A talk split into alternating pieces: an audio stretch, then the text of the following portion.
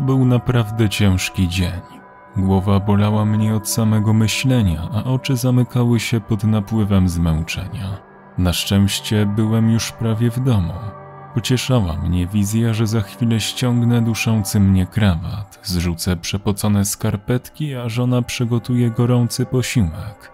Później, o ile Wojtuś pozwoli mi odpocząć, ułożę się wygodnie na fotelu i zajmę umysł bzdurną telewizją.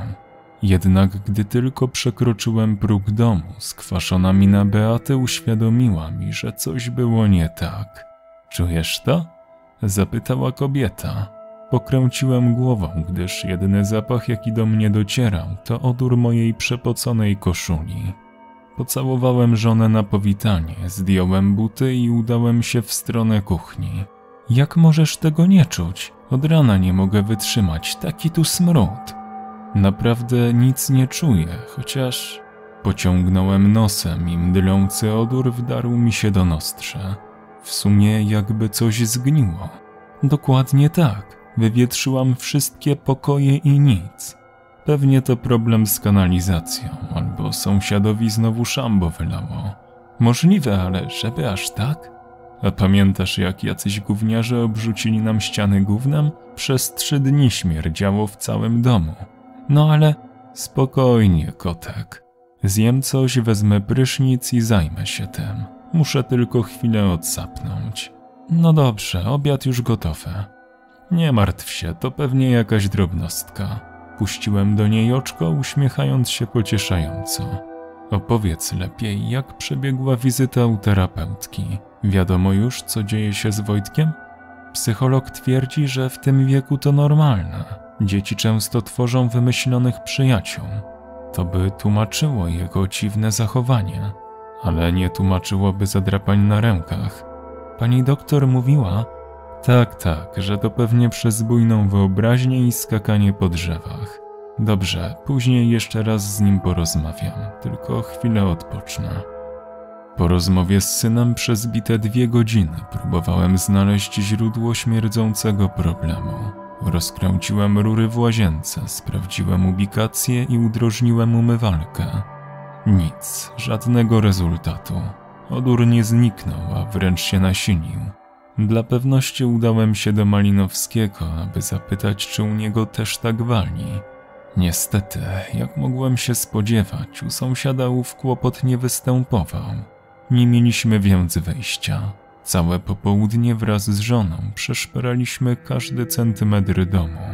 Zajrzeliśmy do wszystkich szafek, komód i regałów. Nie pominęliśmy nawet piwnicy, bez rezultatu. Pozostało nam zaopatrzyć się w kilkadziesiąt odświeżaczy powietrza i regularnie wietrzyć mieszkanie do czasu, aż uda nam się zidentyfikować przyczynę zapachu. Jutro, o ile nic się nie zmieni, zamierzałem zamówić ekipę sprzątającą. Trudno, wydam te kilka stówek. Miałem nadzieję, że przyniesie to jakikolwiek skutek. Następnego dnia wróciłem wcześniej z pracy, aby sprawdzić, czy problem smrodu został zażegnany.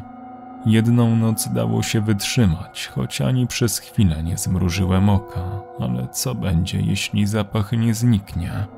Przy każdym wdechu czułem, że zbiera mi się na wymioty, a okna pootwierane na oścież tylko w niewielkim stopniu neutralizowały otór. Na samą myśl robiło mi się niedobrze. Zegar w telefonie wskazywał 13.20. Wygrzebałem z kieszeni klucze i niespiesznie wszedłem do domu z cichą nadzieją, że powita mnie przyjemna mieszanka morskiej bryzy i polnych kwiatów. Tymczasem już na wejściu poczułem, że dwie stówy poszły na marne. Wstrętny, wdzierający się w nozdrza odór był jeszcze intensywniejszy niż wczoraj, aż zakręciło mi się w głowie. Cześć, tato, zawołał Wojtek, widząc, że wróciłem. Cześć, rozrabiako. Gdzie zgubiłeś mamę? Mama pojechała do sklepu po zapas odświeżaczy powietrza. Mówiła, że wróci za godzinę. Hmm, dobrze, a była ekipa sprzątająca? Niby jest czyściej, ale smród pozostał. Była, trzy panie i pan z wąsem. To chyba słabo ich pilnowałeś, bo dalej tu śmierdzi. Zaśmiałem się. Pan mówił, że problem prawdopodobnie leży pod podłogą i trzeba będzie rozkuwać kafelki. Tylko, że użył takiego brzydszego słowa. Cholera, jeszcze tego brakowało. Ale mi te zapachy nie przeszkadzają, tato. Zdążyłem się już przyzwyczaić. Pani Bożenka pachnie podobnie. Kto? No, pani Bożenka, moja przyjaciółka, taka starsza pani. Często się ze mną bawi, gdy was nie ma w domu. Ach, no tak, oczywiście. Odparłem spokojnie, próbując nie okazywać zdziwienia. No ale na szczęście wróciłeś, więc może w coś zagramy. Jasne, tylko daj mi kilka minut. Wezmę prysznic, a później pokażę ci, kto jest najlepszym piłkarzem na świecie. Dni mijały, a my wciąż byliśmy w kropce. Wezwany hydraulik twierdził, że to nie wina kanalizacji, tylko zapewne jakieś zwierzę wgryzło się w przewody i doszło do zwarcia. Smród zaś wydobywał się z gnijącego ciała, prawdopodobnie lisa lub kunę. Elektryk natomiast przekonywał mnie, że o żadnym przepięciu czy problemie z elektryką nie było mowy, że to na pewno wilgoć zaległa w ścianach. I tak odbijaliśmy się od jednego fachowca do drugiego, niczym piłeczka ping-pongowa pomiędzy paletkami. Na domiar złego na suficie w kuchni pojawiły się dziwne zielone zacieki. Zalanie jednak nie wchodziło w grę. W górnej części domu nie biegły rury, a ostatni deszcz nawiedził nas chyba z dwa miesiące temu. Na szczęście mieliśmy wolny weekend, więc Beata z Wojtkiem pojechali do teściowej, a ja zabrałem się za malowanie. Jak dobrze, że miałem maskę ochronną, bo inaczej chyba bym się udusił w tym smrodzie. Sprawnie mi poszło, dwie godziny roboty i z głowy. Tak przynajmniej wtedy myślałem. Ku mojemu zdziwieniu następnego dnia musiałem powtórzyć zabieg, gdyż plamy przebiły się przez warstwę farby i rozlały niemal po całym suficie. Powoli traciłem cierpliwość. Smród, brud i tylko ubóstwa brakowało. Minęło pięć dni, odkąd pojawił się smród. Aby nie dusić się w domu, każdą wolną chwilę, o ile było to możliwe, spędzaliśmy całą rodziną na świeżym powietrzu. Wiedzieliśmy jednak, że nie możemy tak żyć. Musieliśmy znaleźć jakieś rozwiązanie albo sprzedać posiadłość w cholerę. Kiedy tak o tym myślałem, dotarło do mnie, że nie sprawdziliśmy jednego pomieszczenia strychu. Ale przecież nikt tam nie wchodził od chyba roku, powiedziała Beata, gdy podzieliłem się z nią moim spostrzeżeniem. No właśnie, tym bardziej trzeba to sprawdzić. O ile pamiętam, nigdy nie zamykaliśmy go na klucz, więc teraz to tylko kwestia wdrapania się po drabinie. Dobrze, skoro tak twierdzisz, poszukam latarki i pójdę z tobą. Choć Wojtek nalegał, aby wybrać się z nami, kazaliśmy mu zostać na dole i pilnować domu.